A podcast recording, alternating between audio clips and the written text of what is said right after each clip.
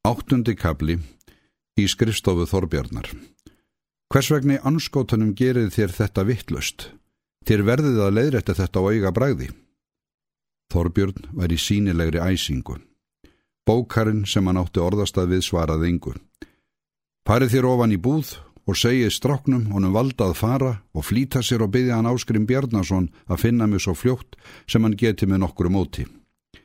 Rómurinn var enn hastur og æstur. Bókarinn fór, Þorbjörn fór inn í skrifstofu sína, inn úr bókarastofinni og þrammaði þar fram og aftur um gólfið. Bókarinn kom aftur og saði að Valdi væri farin. Þorbjörn helt áfram að þramma. Eftir ofurlittla stund rauk hann út. Bókararnir heyrðu þungt fótatækið ofan stegan. Hvað gengur að Karl Varginum?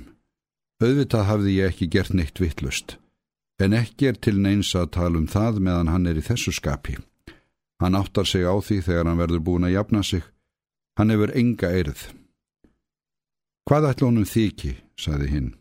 Ætli Sigurlaug hafi verið nokkuð styrð við hann í nótt, til hlófu báðir. Að minnstakosti gengur atvinnureksturinn bærilega. Ekki þarf Karlinn að setja hann fyrir sig. Geðgóður maður væri ég ef ég hefði grætt annað eins síðast árið. Hann misti nú samt skipið í sumar. Já, en það var í ábyrð og hann var svo heppin að ná undir eins í skip aftur. En hugsaði þér, 24 menn druknaðir, allt sem hann hjálpar ekkjum og öðrum umkomulöysum einstæðingum út af því slisi. Já, en það ætti að halda honum í góðu skapi. Það og einmitt við hann. Hann hjálpar mikið, ógrinun öll. Ég held að hann er ekki mönnum sinnandi ef hann væri einhver staðar þar sem hann gæti engum hjálpað. Hann sér svo sem ekki eftir peningunum. Hann far margfalt í aðra hönd þegar hann er tökum á mönnum, fær að ráða yfir þeim. Hugsaði þér, nú þórir engin að þessum ekkjum að gifta sig án hans leifis og hann ræður því hvað hver krakki verður látin gera og hann kemst í kynni við venslamenn alls þessa fólks og hann kemur því inn hjá þeim öllum að þeir eigi honum eitthvað mikið að þakka og séu skildir til að veita honum. Skiptapanum hefur hann stórgrætt. Nú heyrðist þungt fótatak í steganum. Þorbjörn kom inn aftur með Áskrim Bjarnason, hjælt áfram inn í skrifstofu sína og let aftur hurðina millir herbergjana. Hafið þeir frétta skólanemdarfundinum í morgun, mælti Þorbjörn og var mikið niðri fyrir. Áskrimur var hármaður og karlmannlegur, fríður sínum og reyjingslegur nokkuð, með svart, stind hár, gulgráaugu og mikið dögt skegg. Nei, hann hafði ekki frétt af fundinum. Þá eigið þér nokkuð eftir. Ég hef nú aldrei á minni lífsfætri æfi vitað annað eins. Hugsið þér yður. Nú kom annar bókærin inn, sá sem hafði orði fyrir aðtyrðingunni. Hvað viljið þér? spurði Þorbjörn óþölumóður. Ég er með fyrirspurnir neðan úr búðinni sem ég var beðan um að leggja fyrir yður. Komið þið með þar, saði Þorbjörn. Sigurður Sveinsson vil fá nýjan opn. Segið þér honum að ég er í húsið og ráðu því hvaða opn er í því og að hann fái engan nýjan opn. Hann er að tala um að opnin sé alveg ótækur og ekkert viðleitt að hita með honum tvær stóra stofur. Segið þér honum að hann megi tala svo mikið sem hann vill.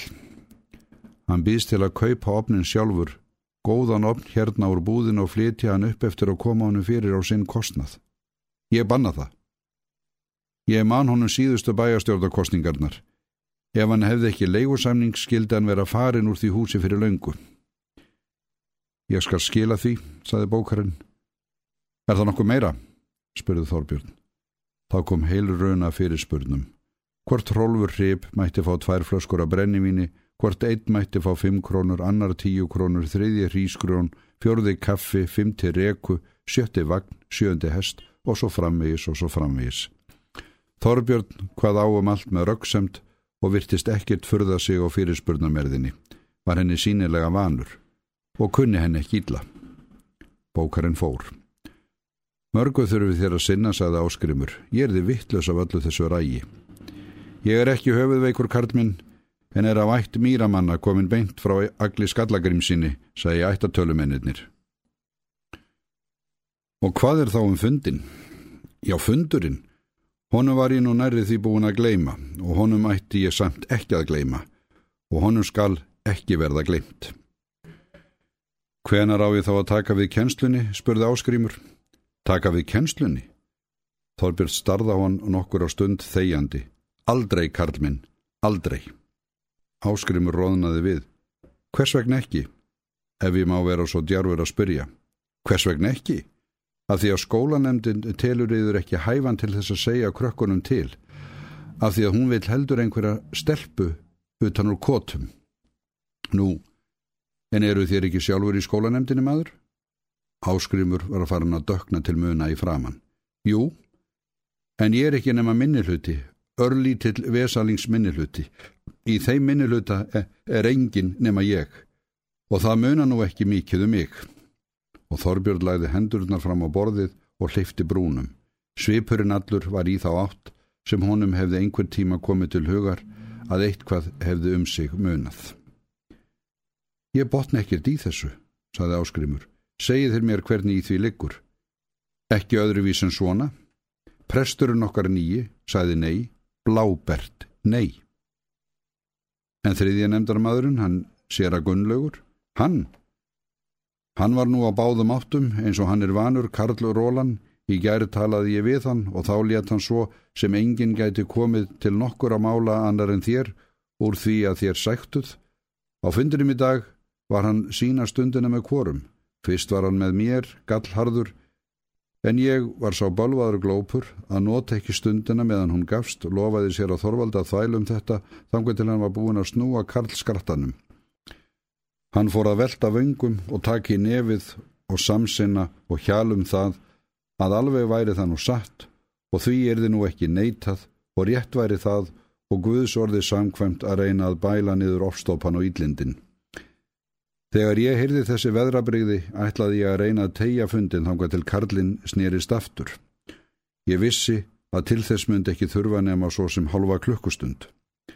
En sér á Þorvaldur, sem er sjálfsagt slungin refur og ílvigur eins og fjandin, þó að hann þykist fara óskup hægt, hann sá við þeim leka og fekk stelpuna sína samþykta og allt saman bókað, allt í þeim hendingsflíti, að sér að Gunnlaugur Balvaður Asnin fekk ekki nokkurt ráðrum til þess snúast aftur og geta allt ofan í sig eins og hann er vanur.